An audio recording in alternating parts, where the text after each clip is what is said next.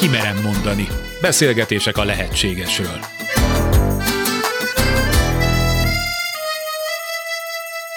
Képes-e az ember a nézőpontja a tudata megváltoztatására?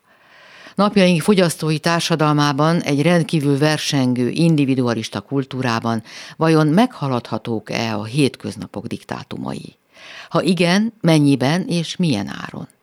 Vagy a tanult, az öröklött, a beidegződött mintáink és világlátásunk vezérel bennünket? A válasz bonyolult és sokrétű. Érdemes szétszálozni. Sugár Ágnes vagyok, köszöntöm Önöket. Ebben a sorozatban beszélgetéseket hallgathatnak, a lehetségesről úgy is mondhatnám, egy újfajta tudatosság lehetőségének vizsgálatára indulunk.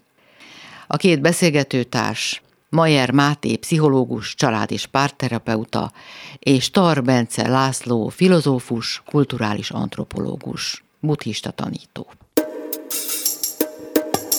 Kimerem mondani. Azzal az idézettel kezdem, amivel az utóbbi adást befejeztük, azt mondja, és ez már Tolle filozófiájának a sűrűje, hogy az önmagunkról szerzett ismeretek nem azonosak az önismerettel, mert akkor ismerjük önmagunkat, akkor vagyunk önmagunk, hogyha szakítunk a tartalommal hogy mit ért tartalom alatt. Minden, amit gondolunk, amit tapasztalunk, amit érzünk, az a tartalom, amivel azonosulunk rendszerint, és ami a legtöbb kínunkat és szenvedésünket okozza az életben. De mi más van, ami nem tartalom, az, ami lehetővé teszi a tartalom létezését, mondja Tolle, és ezt ő a tudat belső terének hívja. A legutóbbi adásban, ha jól emlékszem, ott fejeztük be, hogy nagyon nehéz külön választani a tudat belső terét, és, és a tartalmat, ami ebben keletkezik. Na most ezzel az úton megyünk egy kicsit tovább, mert ezt azért ő tovább árnyalja, múltkor elhangzott ugye az is, és ez már hitbéli kérdés, felől nincs vita köztünk, hogy létezik-e vajon a mindennapi világunk mögött egy magasabb szintű rend. Tehát, hogy mi ugye jóról meg rosszról beszélünk a saját életünkben, de ezek címkék, amiket mi teszünk rá a dolgokra, mi nevezzük a dolgokat jónak vagy rossznak, de hogy a világegyetem ugye egy nagy egész, mint ahogy a kozmosz szó eredetileg ugye rendet jelent, és ugye hát az nagyon nehéz elfogadnunk, hogy egy esemény bekövetkeztekor nem látunk rá arra, hogy ez a történés a nagy egész szempontjából hol helyezkedik el. Pedig lehet, hogy csak természetes, ami történik, mi meg ezt drámának vagy tragédiának éljük át. Szóval ezeknek a dolgoknak a lényegi felismerését, tehát a valóság meglátását úgymond szorgalmazza Tolle, és aki elég bátor és elég kíváncsi, azt tartson velünk, nem állásfoglalás céljából, ezt leszögezem, hanem mert egyszerűen érdekes mindaz, amit felvet. Krishna Murti nevű indiai filozófusra és spirituális tanítóra hivatkozik, aki azt mondta, hogy a titok mindössze annyi, hogy nem kell törődni azzal, ami történik. Ezt Tolle úgy magyarázza, hogy összhangba kell kerülnünk azzal, ami van. Tehát, hogy belső ellenállás nélkül viszonyuljunk mindig ahhoz, ami történik, tehát ne nevezzük se jónak, se rossznak, csak hagyjuk megtörténni. És ha egyé válunk a történéssel, akkor soha többé nem lesz hatalma a történésnek felettünk. Tehát csak akkor vagyunk kiszolgáltatottak egy helyzetben, hogyha ellenállunk annak. Aztán még magyarázza tovább, de most itt álljunk meg, mit gondoltok erről. A kozmoszból indulnék el, hogy valóban az eredeti fogalma a görögöknél a rendnek az egyik szó valóban ez, hogy a kozmosz, ami feltételezi azt, hogy ebben a világban van következetesség. Tehát például, amikor egy kiló súlyt kezembe veszek, akkor annak a súlya állandó. Akárhányszor kézbe fogom venni, mindig ugyanazt a úgymond súlyt fogom érezni, ezt meg is mérhetem, azt meg tudom nevezni, és az mindig ugyanakkora lesz. Hát ez egy óriási dolog. Tehát az, hogy van egy ilyen állandó a világban. És ha vannak ilyen állandók a világban, ez lehetővé teszi, hogy ezeket az állandókat például metrizáljuk és alapegységekké tegyük az életünkbe. De amikor mondjuk kimondjuk azt, hogy valami egy kiló, az egy konvenció. Ugye azt mondjuk, hogy nevezzük kilónak, és akkor annak meghatározzuk a súlyát. De ha már fontba mérnénk, akkor az más súlyegység lenne. Tehát a dolgok tulajdonságai állandók, Független attól, hogy mi milyennek nevezzük, hogy az kilóba mérjük, vagy például egy más súly mértékegységbe, például fontba. Miért mondom ezt? Mert a világrendet nem érinti a megnevezés. Tehát, hogy most ezt kilóba mérjük, vagy fontba mérjük, annak az alaptulajdonsága ugyanolyan.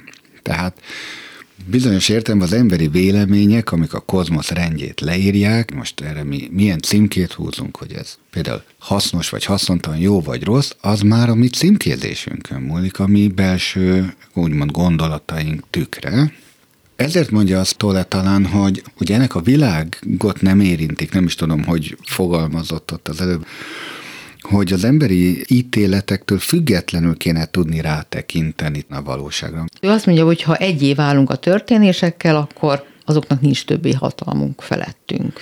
Tehát, hogy tulajdonképpen összhangba kell kerülni mindig azzal, ami van, és nem azonnal a reflexünk meg a tanultak alapján egy címkét akasztani rá. De most ez borzasztóan nehéz, mert ugye én mindig csak az egóból, a szubjektumból tudok kiindulni, és rögtön érzékelem, hogy nekem ez jó vagy rossz, akarom, nem akarom, szeretem, nem szeretem. Rögtön ez a kettős ítélet lép be, tehát azt a pillanatot megragadni, és azt a létállapotot eltalálni, hogy én kívül tudjak ezen lépni, és objektíven a nagy rendszer, a természetesség egészéből tudjak ránézni, a tudat belső teréből, tehát ne a tartalomból, hanem onnan, ahol ez megjelenik, na ez a művészet, képes erre az ember? Nagyon érdekes a gondolat, de lehet, hogy mi nem erre vagyunk teremtve. Hogy mi egyszerűen a képességeinket tekintve nem tudjuk ezt a működésmódot megvalósítani. Ha el is fogadjuk, hogy ez létezhet. Megengedsz meg már egy gondolatot, csak ahhoz, hogy visszaköztem a súly példához, mert a történések megítélése az bonyolultabb annál, mint amikor csak egy tulajdonságról beszélünk.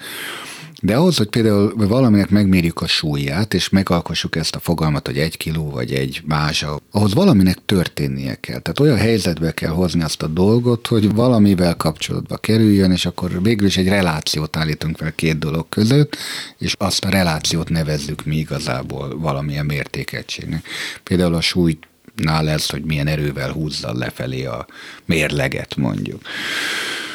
Na hát ez az, hogy egyéb történésekre, tehát nem egy ilyen egyszerű dologra, hogy rátettünk egy tömeget egy mérlegnek a serpenyőre, és az ott milyen erővel húzza, hanem egy komplex emberi történésekre is ugyanúgy relációkban tudunk csak gondolkodni, és a relációk fogják meghatározni azt, hogy akkor arról egyébként milyen alapfogalmakat alkotunk.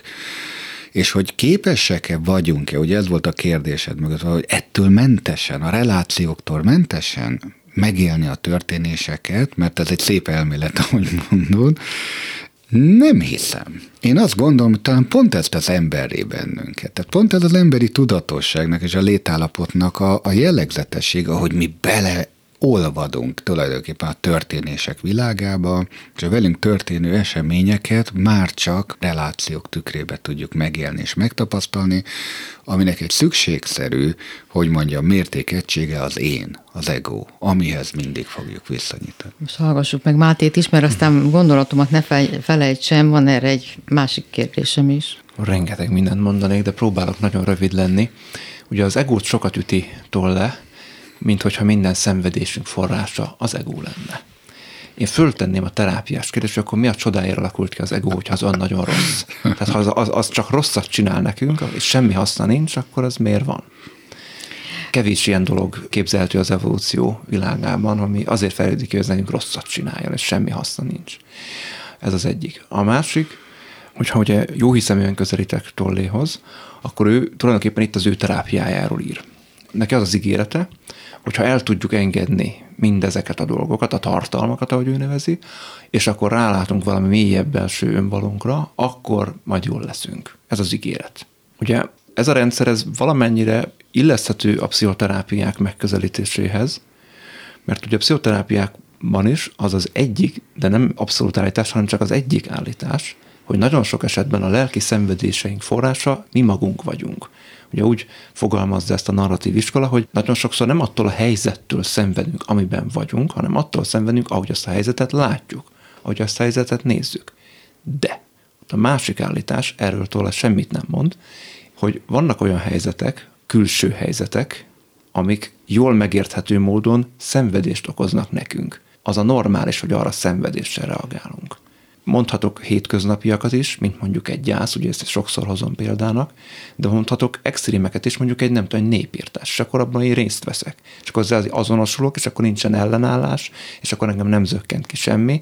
Hát azért ennek a visszásságát, hogyha egy kicsit morálisan is megközelítjük ezt a kérdést, és mondjuk a népírtást rossz dolognak tartjuk, akkor szerintem mindenki fogja érezni, hogy ezzel lehet baj is. Borítékoltam, hogy fogod hozni ezt a példát, de én arra gondolok, hogy a hétköznapi megélésünk nehézségeiről is nem a szélsőséges esetekről beszél. Egyébként meg arra van válasza, hogy miért így alakult az ember, egy ponton írja azt, hogy a létezésünk célja a korlátoktól mentes tudatosság megtapasztalása. Ez ugye a tudat belső tere, ez ugye ahol a, ahol a tartalmak létrejönnek.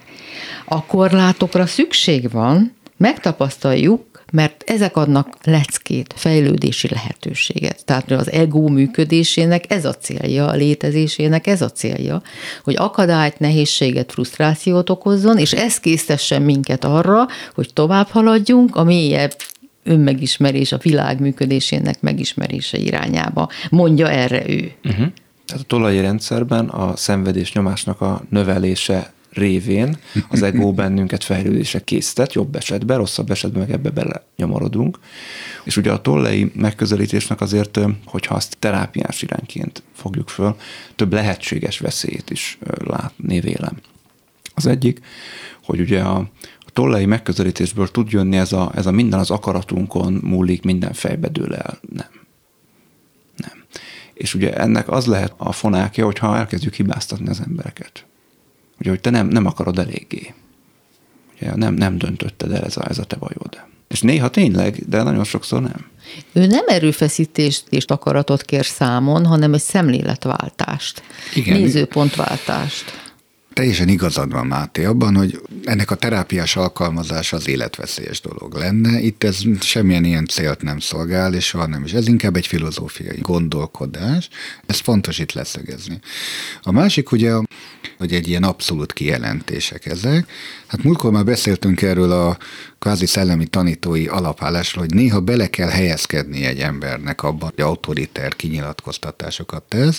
Remélhetőleg értelmes emberek ezt meg fogják kritizálni, mint ahogy mi is tesszük ezt. Tehát én nem elvakultan vélem hinni azt, hogy igaz, amit ő mond, hanem azt, amit az Ági mond, az kicsit árnyalja ezt, hogy hogy a szemléletváltás szorgalmazza, hogy van egyáltalán lehetősége az embernek kikerülni ugye az ego állított korlátos csapdákból. Mert hogy az ego korlátoz bennünket nagyon sok esetben, automatizmusokká és hamis identitásunk alapjává tud válni, azzal, hogy olyan helyzetekkel azonosul, amelyeket meg lehetne haladni, amelyektől meg lehetne szabadulni, inkább ez azt hiszem a legfontosabb üzenet, amit mondasz, Bence, ez nagyon jó, hogyha ugye kritikus gondolkodók olvassák és hallgatják a szavait, akkor, akkor ez akár inspiráló is lehet, egy olyan filozófiai keret lehet, amihez valamiképpen lehet viszonyulni, ennek egy részét belső lehet tenni, de hogyha nem, akkor a szektás gondolkodás nagyon könnyen tud ebből következni. Ez a másik óriási nagy veszély ennek. Na, menjünk tovább akkor. Tehát ő ugye abból indul ki, hogy ha rossz a viszonyunk egy adott helyzethez, akkor az működészavart fog okozni hogyha ehhez a kijelentéshez megengedően viszonyulunk, akkor dönthetünk akár úgy is, hogy jó viszonyba kerülünk a mindenkori jelen pillanattal, de és ezt is hozzáteszi, fontos, hogy ezt a döntést, hogy mi a világhoz minden pillanatban elfogadóan viszonyulunk, ezt a döntést nagyon sokszor újra és újra meg kell erősíteni, mert ez nem fog működni egyszeri döntés alapján, és egészen addig kell ezt a pillanat elfogadását erősíteni, amíg természetes alapállapotunká nem válik. Tehát ebből kiindulva ő azt mondja, hogy kulcsfontosságú kérdés, hogy hogyan viszonyulunk a jelen pillanathoz. Hogyha belegondolunk, mindig csak a jelen pillanattal rendelkezünk. Tehát a múlt az nincs, a jövő nincs, az életünk az a mindenkori jelen pillanat. Tehát amit észrevesszük, hogy milyen a jelen pillanathoz fűződő viszonyunk, már is a pillanatban vagyunk, ugye ezt hívjuk jelenlétnek. Tehát ő azt mondja, hogy az egyetlen beavatkozási pont, az igazi élet, az a pillanat. Semmi más nem objektív. se a múlt, se a jövő, nincs esélyünk másra, tehát minden azon dől el, hogy a jelen pillanattal milyen viszonyba kerülünk. Behoz itt egy másik problémát, ez pedig az időhöz való viszonyulásunk. Abfelől nincs talán vita, hogy a gondolataink jó részt a múlthoz vagy a jövőhöz kapcsolódnak, és hogy az időhöz kötött tudatálapotainkból fakadnak a rossz érzéseink, a félelmeink, a szorongásaink, az elvárásaink, vagy akár a, akár a bűntudatunk is. Tehát, hogy a múlthoz vagy a jövőhöz kapcsolódva ébrednek ezek az érzések. Azt mondja, hogy az ego háromféleképpen viszonyul a mosthoz, a jelen pillanathoz, vagy az elérendő cél eszközének tekinti, akkor arról van szó, hogy ez a pillanat elvezet a célomhoz, és az ego számára ilyenkor a cél a fontos, tehát ugyanúgy nem vagyunk jelen a pillanatban, mert ugye a cél felé tartunk. A másik viszonyulás az, amikor valamiért akadálya a pillanat a célunk elérésének. Ezt akkor szoktuk mondani, amikor hangsúlyos a jelen, ő így írja, hangsúlyos. Tehát ezt akadálynak hívjuk. Ilyenkor jelenik meg a stressz, a frusztráció, ez mindenkinek ismerős. Ilyenkor a jelen pillanat inkább probléma, amit meg kell oldani. Amikor az ego ellenségnek tekinti a pillanatot, az akkor van, amikor panaszkodunk, kiakadunk, érzelmileg felspannolt állapotba kerülünk. Ugye indultál az egótól, és akkor eljutottál az idő fogalomig.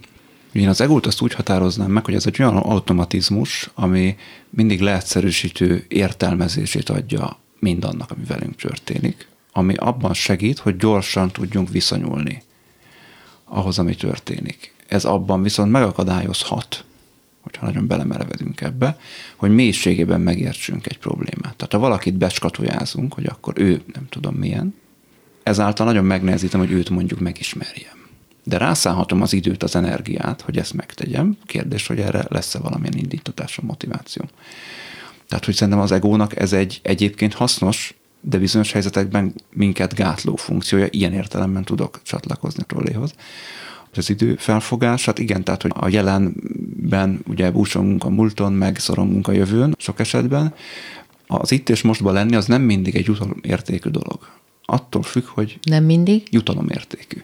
Attól függ, hogy milyen az a jelen, amiben éppen vagyunk nem tudom, egy háborús környezetben, a jelenben itt és mostban lenni, hát az, na, hát az nem olyan kellemes. Egy gyászban ugyanúgy nem annyira kellemes az itt és mostban lenni. Ugye nagyon sokszor pszichológia is beszél az itt és mostnak a fontosságáról, terápián szoktuk, szoktam én is hangsúlyozni, de azt is mellé szoktam tenni, hogy ez nem mindig egy pozitív élmény. Tehát az itt és mostban lenni az nem mindig kellemes dolog. És időnként nem elítélendő az, hogyha egy kicsit próbálunk elmenekülni az itt és mostból, hogyha az nagyon megterhelő, akár egy kellemes múltbeli emléket fölidézve, akár egy vágyott jövő felé. De pont azt mondja, hogy ha elfogadod, hogy itt és most ez van, és nem gondolkozol, nem címkézel, nem szenvedsz, már a gondolati szinten sem, akkor a, a dolgok sokkal simábbak és egyszerűbbek. Ő ezt mondja. Hát erre mondom én azt, hogy képesek vagyunk mi erre? Nem. Hát én meg azt gondolom, hogy ugye azért az első fogalom, amit mondtál, az, hogy a jelen pillanathoz a hibás viszonyulás. Ez egy nagyon erős etikai kategória, hogy mit értő ez alatt. Ha a szándéketikát nézzük, az ő esetében, hogy mi a szándéka ezzel az egészen, miért beszélő erről, akkor arról, arról beszél, hogy hogyan tudunk megszabadulni a szenvedéstől és a rossz érzésektől, és hát valóban ennek egyik eszköze lehet ez a fajta mentális eltávolodás. Tehát amikor kivonom magam tényleg az érzéseimből, a negatív gondolatokból, megfigyelem azt, hogy hol vagyok én ezekben igazából, és rá fogok jönni, hogy én nem az érzésem és a gondolatom vagyok, hogy te is mondtad, hogy nem a helyzetekben érezzük rosszul magunk, ugye Máté így fogalmaztál, hanem a helyzetekhez való viszonyunk teszi rosszá azt a helyzetet. Ez egy közös gondolat egyébként, tehát ha én képes vagyok erre, oda térek vissza, amit te is mondasz. Ha egyáltalán képességemben áll, meg te is ezt kérdezted, hogy képesek vagyunk erre egyáltalán. Hát erre azt tudom mondani, hogy van, aki igen, van, aki nem. Hát ha valahol, és ezt most óvatosan mondom ki, a lelki fejlődést szeretnénk behozni, mint egy mércét, akkor azt mondhatnánk, hogy talán lelkileg fejlettebb az, aki könnyebben meg tudja haladni ezeket a rossz állapotokat, rossz érzéseket, például azzal, ahogy a tolle is javasolja, a jelen pillanat elfogadását gyakorolja. És azt mondja, hogy most bennem rossz érzések vannak, most rosszul érzem magam, hogy te is valahogy nem minden helyzet kellemes, de most ez van.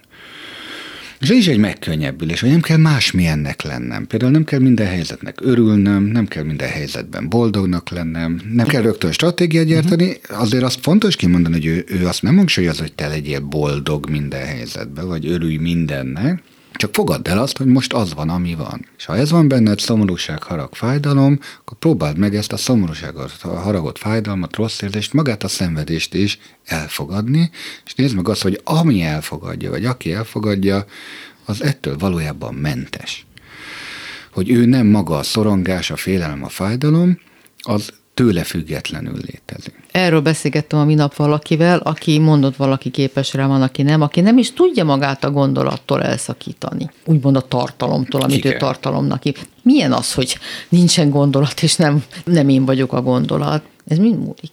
Az ő tapasztalatain leginkább tanulható képesség? Egy másik keretben, nem, nem egy spirituális keretben közelítem, ugye a korábbi adásban behoztam már ezt a belső családmodellt, belső gyerek, belső felnőtt, belső szülő. Nagyon rokon ezzel, tehát hogy az a belső felnőtt ugye egy ilyen realitás alapú, racionális szemlélődő én, mondjuk így, aki akkor amikor én mondjuk, nem tudom, fájdalmat, mondjuk lelki fájdalmat érzek belül, az mondjuk a belső gyerek, ugye az az érzelmek talajánál a belső gyerek, és akkor a belső felnőttként oda megyek ehhez a gyerekhez, gondolatba, fantáziába, és akkor próbálom megvigasztalni ezt a gyereket, akinek fáj megölelem, megsimítom, beszélek hozzá, kinek mi jön. Ez tanulható, igen. Ez tanulható, fejlesztető. Látom ennek a csapdáját, és most mint kritikusa kell, hogy megszólaljak azért ennek a tollai gondolatnak, hogy ez a diszociatív eh, hozzáállás, hogy ugye különböztessem meg magamat az érzéseimtől, és válasszam le magam tőle, azért az egy tudathasadásos állapot. És akár el tudom képzelni, hogy egy szélsőséges, pszichotikus állapotban levő emberén ez kimondottan káros lehet. De mint meditációs módszer, és ezt szét kell választani, és ezért mondom, hogy ez nem terápiás alkalmazás, mint meditációs módszer, arra, hogy megfigyeld azt, hogy valójában mi zajlik benned, és azt fogadd el, ami benned van, arra jó. Igen, hát itt is a, az, azt a valóság próbát kell mindig mellé tenni, hogy ez vajon mindig, minden helyzetben, mindenki esetében működik, és nem ahogy mondod is, aki a pszichózis szélén táncol, az nem csinálunk ilyen gyakorlatokat. Igen. Viszont, hogy ki képes rá, és hogy egyáltalán mit válthat ez ki, azért az én személyes meditációs praxisomból, hogy hozzak erre példákat, hogy bármennyire erős ez a szó, ez a fajta mesterséges tudat hasadás, ami ilyenkor mégiscsak beáll valamilyen szinten, hogy mégiscsak megjelenik ott, én úgy nevezem, hogy egy felettes én, valamilyen megfigyelő. A szanszkrit filozófiában, a klasszikus int hagyományban erre van is egy szó, hogy drista, annyit jelent szanszkritul, hogy a megfigyelő, a látó, aki csak úgy figyeli kívülről azt, ami benned lejátszódik. A tanú szeme. A tanú, így van, a tanú szeme, aki úgy kívülről néz, és érdekes módon, tehát van egy személyiséged, meg akár egy éned, aki például megéli ezt a szenvedést, de van egy ilyen külső szemlél. Hogyha annak a nézőpontjából nézed a saját állapotaidra rá, és például ezeket a nagyon negatív érzelmi állapotokat éled éppen meg, akkor ez szinte nevetséges és jelentéktelni válik. Tehát nagyon gyakran egy olyan külső-felső helikopter perspektíva, hogy erről már korábban Igen. beszéltünk, aminek a tükrében tulajdonképpen az a helyzet kipukkad, mint egy lufi, vagy nagyon gyakran jelentőségét vesz. Mit kezdjünk azzal az állítással, nekem ez egyébként tetszik, hogy mindig csak a jelen pillanattal rendelkezünk. Tehát súlyát veszti a szenvedéseink jó része, ha belegondolunk abba, hogy tényleg, hát a múlt nincs itt, a jövő nincs itt. Egyetlen dolog van, ahol beavatkozhatunk, ahol tehetünk bármit az életünkért, az most van. Tehát, hogy valóban sokkal közelebb kellene lennünk a jelen pillanatainkhoz, mint amilyen közel általában vagyunk, mert nem vagyunk. Ezzel maximálisan egyet tudok érteni, hát, hogy mindig a jelen van, akkor is, ha a múlton gondolkodom, akkor is azt a jelenben csinálom, ha jövőn gondolkodom, azt is a jelenben csinálom, tehát bármit a jelenben tudok változtatni. Lehetséges-e az, hogy minden pillanatban meg tudjam valósítani, hogy a jelenben vagyok, és ha igen, akkor hogyan? Ezt ígérje mindfulness például, és egyébként egy nagyon érdekes gyakorlat és egy nagyon érdekes filozófiai irány, de a jelent arra is használhatom, hogy múlttal foglalkozom. A jelent arra is használhatom, hogy a jövővel foglalkozom, és az nem mindig káros ahogy az egót se szerencsés démonizálni, ugye a múltat, meg a, meg a jövőt sem, vagy az azzal való foglalkozás sem. Tehát, hogyha terveket szövök a jövőre, és aztán utána azokat használom és megvalósítom, az adott esetben előre vihet. Hogyha földolgozok múltbeli traumákat, vagy hogyha múltbeli szép emlékekből energiát, erőt gyűjtök, az is egy nagyon hasznos gyakorlat. Az a nem hasznos, hogyha ezen pörgök a hát, múlton vagy a jövőn. Igen. Rágódok bármelyiken a kettő közül. Az alap szándékhoz térnék vissza, hogy amennyiben az ennek az egész tanításnak a célja, hogy enyhítse a, a szenvedést és ugye a negatív gondolatokat, akkor ez mindenképpen úgy, mint a mindfulness egy nagyon gyakorlatias, hasznos filozófia, valóban csak a jelen pillanatban létezünk. De az, hogy ebbe beidézzük, ahogy a Máté is mondja, a múltat és a jövőt, az lehet hasznos.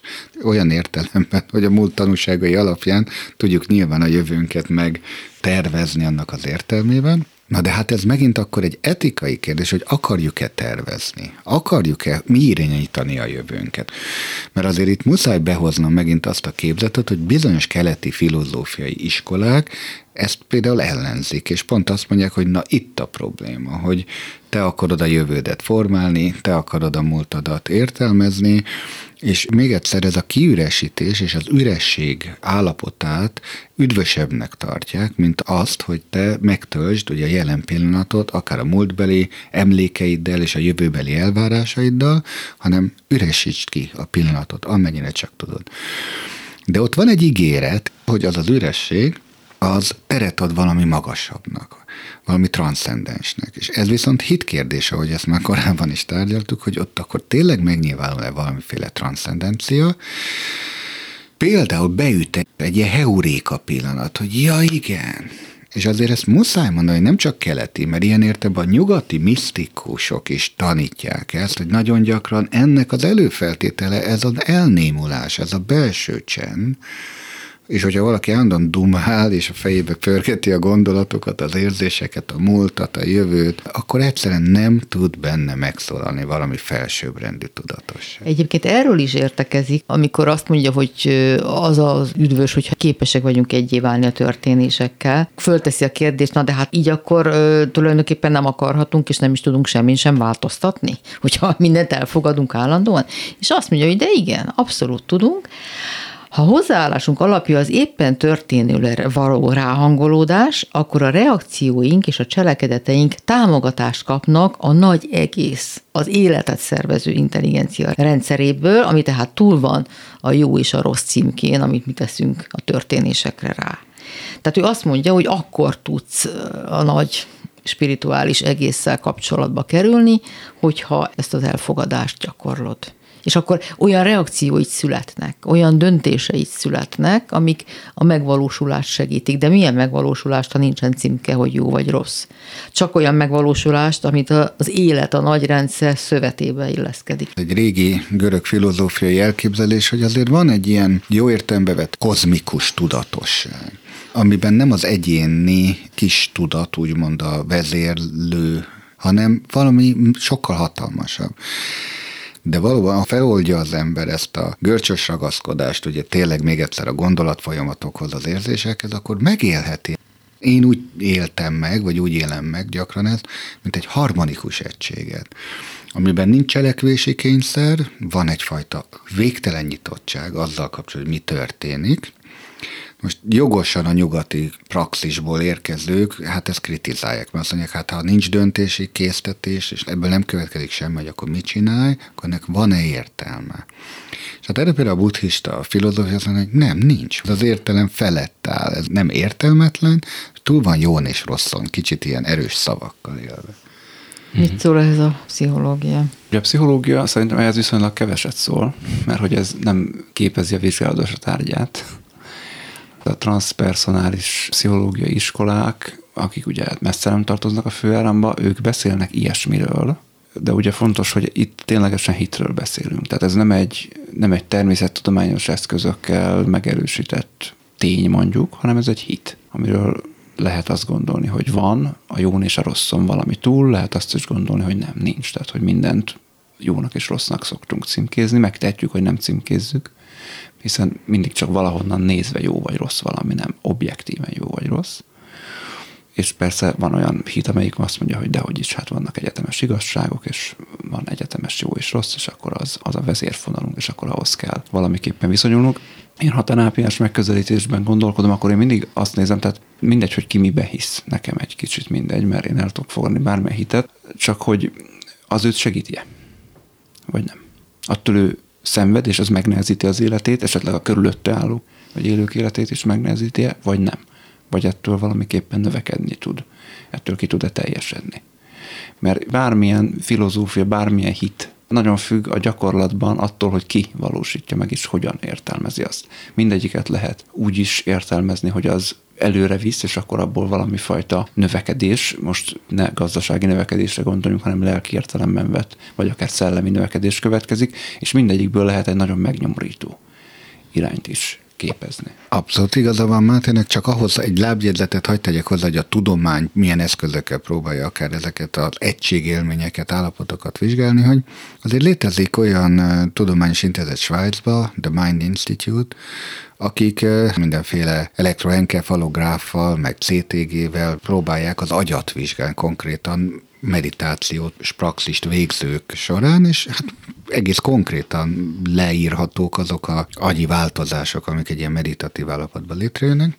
Ott tovább megyek, vannak olyan kutatóintézetek, akik ezt ilyen inverz módon, hát akkor, ha ezt tudjuk, akkor csináljunk olyan gépeket, amik kiváltják ezeket az állapotokat, anélkül, hogy valaki meditálna, nem azért, hogy ötleteket adjak itt a hallgatóknak, de a legfurcsább és legbizarabb ilyen eszköz, amit kitaláltak, az a The God Helmet névre hallgat, az Isten sisak, ami konkrétan mágneses teret hoz létre a fejedre téve, és nagyon koncentrált módon az agynak azokat a beállítató, ugye, hogy hova koncentrálódjanak, ott kisütik az agyadat.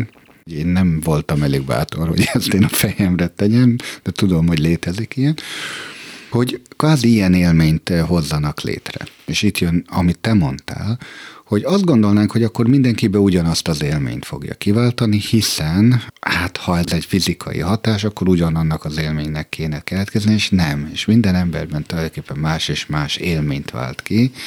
Itt jön az, hogy valószínűleg akkor itt a hitbeli meggyőződések, a saját pszichológiai világkép nagyon erősen befolyás, hogy az ember egyébként mibe találkozik, akár még egy ilyen elnyugtatott tudatállapotban is. Illetve, hogy itt jön még egy, egy filozófiai vagy hit szintű dolog, hogy egy élményt valami bennünk kivált, mindegy, hogy egy gép, vagy a saját biokémiánk, vagy valamilyen kémiai szer, és a filozófia meg a hit az ott jön be, hogy ezt hogy magyarázzuk. Tehát, hogy akkor ez most a, nem tudom, az egyetemes tudathoz való kapcsolódásként, vagy valami fajta, nem tudom, emelkedett jó hangulatként, vagy valami teljesen más, hogy írjuk ele, és azt már nem tudja mérni a tudomány. Visszatérve még az ego és a jelen pillanat kapcsolatához, ugye itt három lehetőséget említett, az elérendő cél eszköze lehet, akadálya vagy ellensége, ehhez mit szóltok? Mert azért az egyáltalán nem mindegy, hogy valóban hogy tekintünk rá a pillanatra, amikor helyzetben vagyunk hogy mennyire figyelünk rá, ugye eszköz, hogyha nem figyelünk rá, mert a célra tartjuk a mhm. figyelmünket. Akadály, amikor a problémát érzékeljük, és emiatt frusztráltak vagyunk, ellenség, amikor még dühöttek is vagyunk. Uh-huh. Ehelyett, hogy kellene válnunk a jelen pillanattal, szerintetek? Mind a három kategória tökéletesen pontos, és jól írja le a pszichológiai viszonyunkat a jelen pillanathoz. Én egy ilyen gordiuszi csomó látok ebbe, hogy Nagy Sándor módjára szerintem, hogy hogy viszonyulhatunk ehhez, hát pontosan úgy, ahogy éppen viszonyulunk. Tehát ha ebbe ellenséget látunk, akkor lássunk benne ellenséget, hogyha akadályt, akkor akadályt, hogyha a célra tartó pillanatot látjuk benne, akkor ismerjük fel, hogy ez a célra tartó pillanat, mert nem úgy fogunk tudni rajta változtatni. Hogyha akadályt látunk benne, akkor azt mondjuk, hogy hú, felismertem, hogy most ezt a pillanatot akadályozónak látom, tehát elengedem. Mert az nem működik, az biztos nem működik. De az működik, hogyha én felismerem, hogy na ez az a pillanat, ahol ott az akadály. Itt most bennem ellenállás van. Én ezt a jelen pillanatot most utálom. Ha ezt én kimondom, meg megérzem, megragadom, akkor a megragadás által keletkezik bennem egy olyan, még egyszer hangsúlyozom, felsőbbrendű felismerés és tudatosság, ami már kulcsa lehet a tovább lépés. Tehát nem az történik, hogy még dühösebb leszek, Nem, nem. hanem hogy kioldódik azáltal, hogy megnevezem. Valószínűleg csökkenni fog a, a dű, már csak azért is, mert egy más tudatállapotba kerülök át. Ugye egy, erről beszélgettünk több adásban is, hogy az érzelmek hogyan, a negatív uh-huh, érzelmek uh-huh. hogyan tudják beszűkíteni a tudatunkat, időnként a pozitív érzelmek is, és hogyha egy tudatos gondolkodás beindul, akkor az meg hogyan tágítja ezt, és akkor az nyilván az érzelemnek az intenzitását is csökkenti. Ezzel egyébként maximálisan én is tudok egyetérteni, tehát hogy itt azt hiszem, hogy nincsen vita köztünk semmilyen szinten. Tényleg meggyőződésem, hogy a tudat állapotok megváltoztatásának a tudatállapotok felismerése és feltétel nélküli elfogadása az alapeszköze. Persze ez nem a vég, még egyszer bárki azt gondolja, hogy le kell győzni valami. Tehát például egy haragot azt el kell folytani. Hát ez biztos, hogy nem fog sikerülni. Vagy ha mégis, akkor betegség lesz belőle a végén, mondja a az egyik iskola pszichológiában.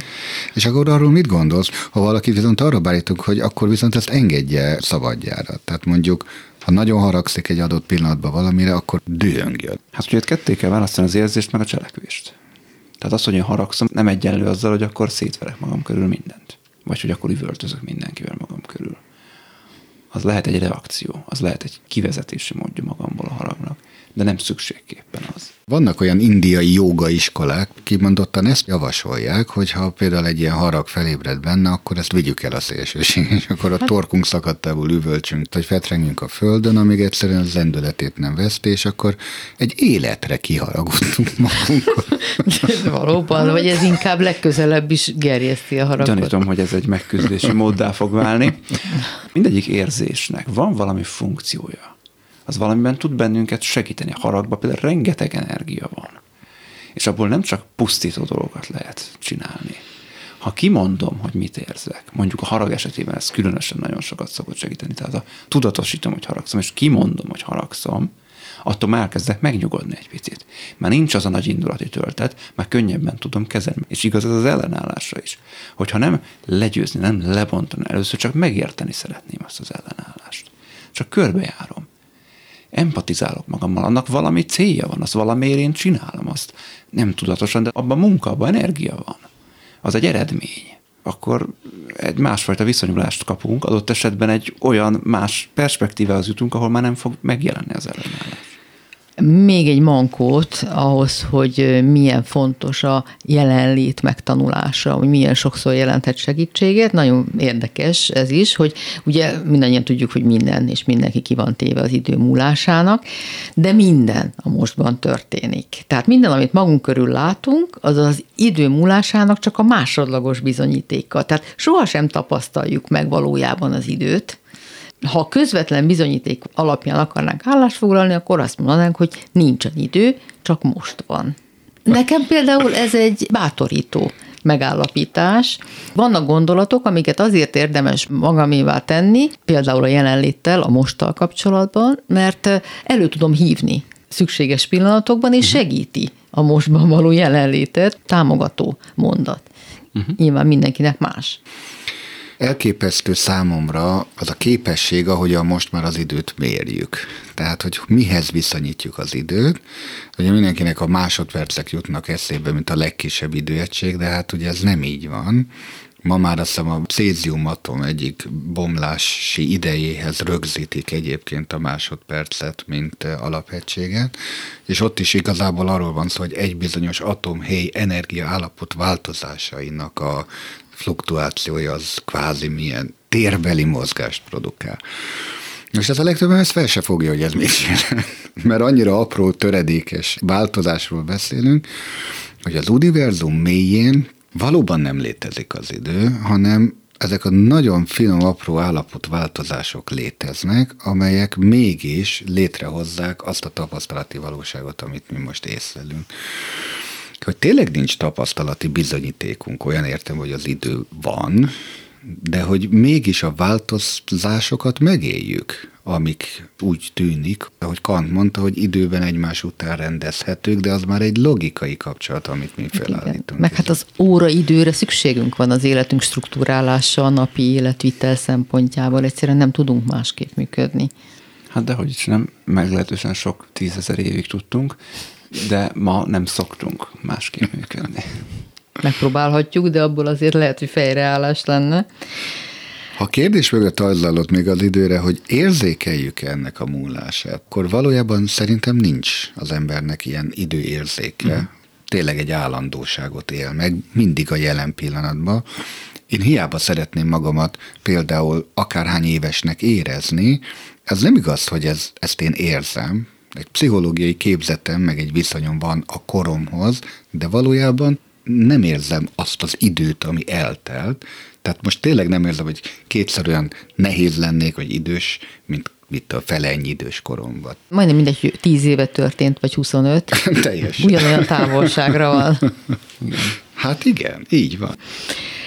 Megint egy könnyítésül szánt megközelítés, ugye, hogy minden múlandó, ez közhely, és az a milliónyi forma, és az a milliónyi történés, amit az élet fölvesz, az mind-mind a formához tapadságunkat bizonyítja. Tehát, hogy ha ezen túl tudunk lépni, akkor észrevesszük, hogy a történések és a dolgok, ezek a formák, úgymond, mind-mind rendkívül rövid időtartamúak és változékonyak.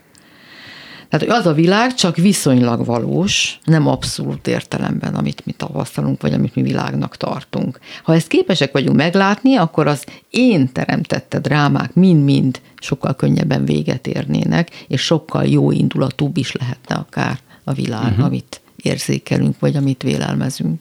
Abszolút pozitív gondolat, bár én azt látom, hogy ennek éppen az ellenkezője az, ami nagyon sok szenvedést okoz nekünk ma. Tehát, hogy pont nem a dolgok állandóságától szenvedünk, hanem attól, hogy eszméletlenül gyorsan változik körülöttünk. Ebben a technikai civilizációban minden. És ezt nem tudjuk lekövetni. És ez pánikot okoz.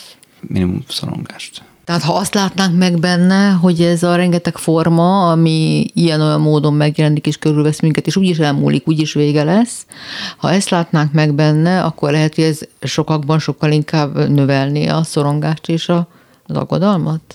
Hát, hogyha több lenne az állandóság az életünkben, az inkább csökkenteni. De nincs állandóság. Az nem egy illúzió? Hát az van? egy illúzió, ugye a változásnak az üteme az, amiről itt beszélgetünk, és hogy van egy olyan üteme a változásnak, az élet változásának, amit sok-sok tízezer, százötvenezer év nagyjából azóta van homo sapiens, ugye a mai történettudomány szerint. Szóval annyi idő alatt ugye arra szelektálódtunk, hogy azt, azt úgy le tudjuk követni a változásnak egyfajta ütemét. Ennek nincs mértékegysége. És ma ehhez képest gyorsabb, széles körűbb és mélyrehatóbb a változás. És nem lehet, hogy az van, amit a múltkor is említettél, hogy egyszerűen még evolúciósan nem vagyunk elég fejlettek ahhoz, hogy követni tudjuk, elfogadni tudjuk, együtt haladni tudjunk? Hát meg nem is leszünk, tehát hogy az evolúció az nem így működik, hogy akkor nem tudom, tíz, meg száz, meg ezer év alatt az tízezer év, amire lekövetjük. Gondoljunk bele, hogy a számítástechnika milyen gyorsan változik, évtizedek múlva hogy fog tartani, hol fog tartani ezzel az ütemmel, ahol De most. miért ne gyorsulhatna fel az evolúció is? Hát mert nem úgy működik. Eddig.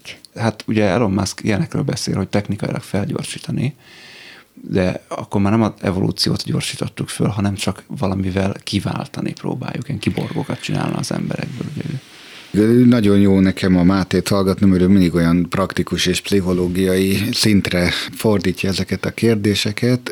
Én azt gondolom, hogy ez már nagyon létfilozófiai kérdés, amit itt eh, Tolle feszeget azzal, hogy valóban minden mulandó. És te egy Ági olyan triviálisan azt mondtad, hogy hát igen, ez, ez közhely, hogy minden, ami keletkezik, az elmúlik muszáj ide hoznom azt, hogy ez nem igaz. Tehát a modern tudományos kutatásoknak van egy szélsőséges iránya, ami az idő utazással foglalkozik, és ez egy valódi kutatási téma, csak nem úgy, ahogy a legtöbb skifiben ezt gondoljuk, ami azzal kapcsolatos, hogyha egyszer már valami létrejött, és feltételezzük, hogy minden, ami létrejött, az az ok annak, ami a következő pillanatban létesül, tehát van egy folyamatos ok-okozati keletkezés, akkor ez azt is jelenti, hogy abból, ami most van, visszafele és visszabontható, hogy miből keletkezett az a jelen pillanat, ami most létezik.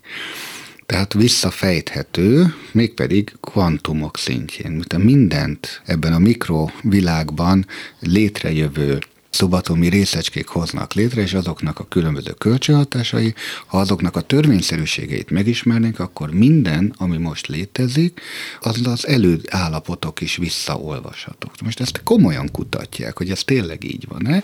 Nagyon úgy tűnik, hogy így van. Ami azt is jelenteti, hogy a jelen pillanatból minden múltbeli pillanat visszaépíthető és rekonstruálható. Tehát ez azt is jelenti, hogy ugyan megváltozik, a világ, tehát minden, ami létezik, valóban elmúlik, de abban az időpillanatban, amikor létezett, ott úgy tűnik, mintha egy ilyen örök létben és egyszerre ott hagyná a lenyomatát. Tehát minden lét elmúlik, de mégsem múlik el semmi sem. És ha egyszer eljutunk majd oda szuper számítógépek és minden, ahogy mondod, felgyorsult technológiák segítségével, hogy ezt modellezni tudjuk, akkor tulajdonképpen az ősrobbanásig az teljes időbeli múlt visszafejtető lesz. Jó, ne démonizáljuk az egót, hiszen szükség van rá, hiszen nem is tudunk létezni nélküle, hiszen valószínűleg erre vagyunk teremtve, de abban talán egyetérthetünk, hogy az lehet célunk, hogy kevesebb legyen az egó, vagy egy kicsit háttérbe vonuljon, nyugalmasabban működjön, és ajánl is erre tolle gyakorlatot. Azt mondja, hogy ha valakit hibáztatnak, kritizálnak, akkor ugye az ego azonnal önigazol, beindul, hogy magát erősítse. Tulajdonképpen nem is nagyon érdekli az egót, hogy kinek van igaza, az sokkal fontosabb, hogy az én megerősödjön, tehát hogy megerősítse saját magát. És ugye hát a reakciónk leginkább ilyenkor a harag, amely még inkább erőt az egónak, még jobban föl tudja fújni.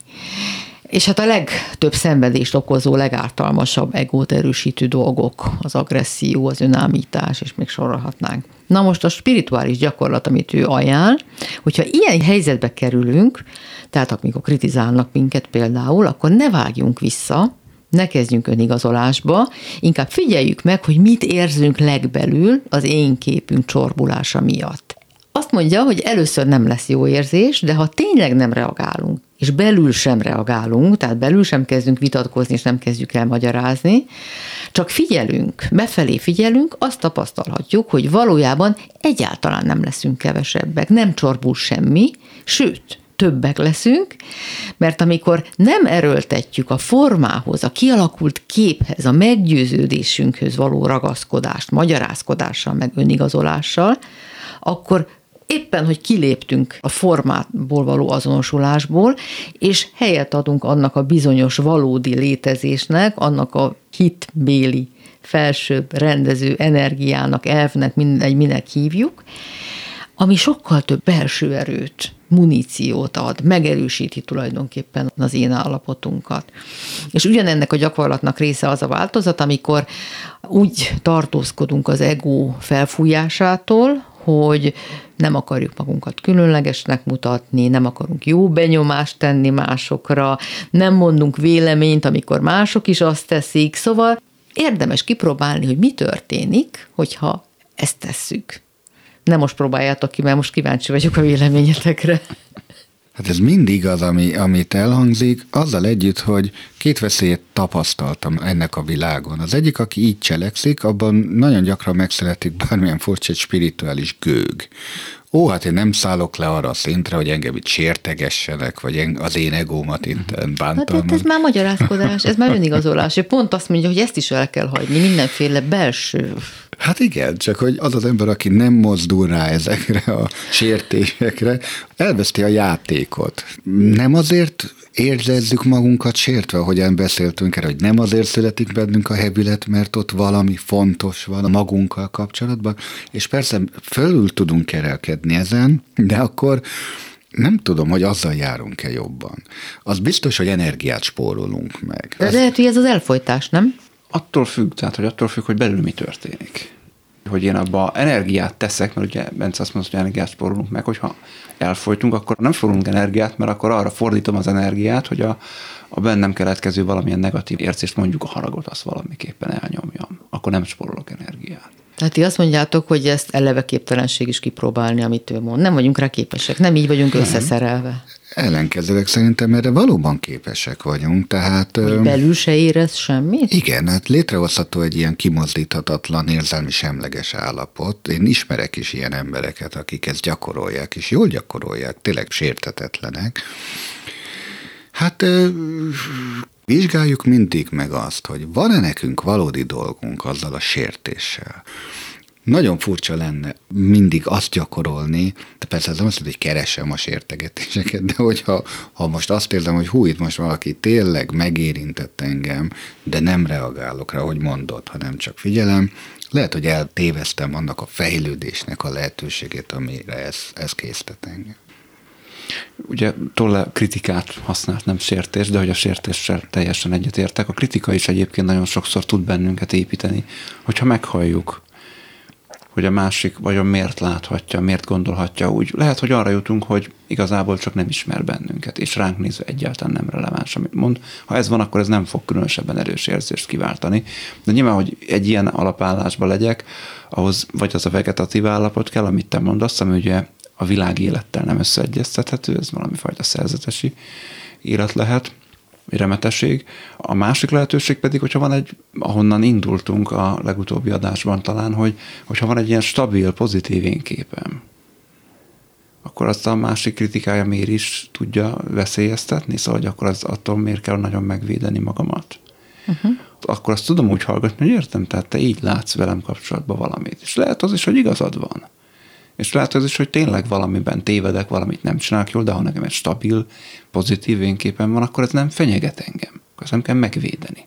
Viszont azt még hozzátenem a második elemét, ugye, amit hangsúlyoztál, viszont ha nem mozdulok rá, tényleg nem mozdulok rá, hanem visszatartom idézőjelben ezt a spontán késztetést, hogy ugye védjem magamat, nem lép be ez az én védő mechanizmus, azt mondja, hogy na akkor adunk teret ennek a belső, felsőbbrendű tudatosságnak. Ezt viszont én is így gondolom, és így tapasztalom, hogy ez tényleg így történik. Ha mégis úgy döntök, hogy mindenre most egyszerűen maradok a megfigyelő állapotban, és nem engedem, hogy az érzések elragadjanak, de nem ellenállok neki, tudatosítom, hogy ez most engem rossz érzéseket keltett, kritikát. erről beszél. Erről beszél, de nem késztetem magamat cselekvésre, hanem egyszerűen esetleg csak kérem, hogy fejtsd ezt ki jobban, vagy mondd el részletesebben, és figyelem azt, hogy ez bennem mit kell, na ott valóban megjelenik, úgy érzem sokszor én is, hogy egy felsőbbrendű bölcsesség hogy ah, hát ez erről szól.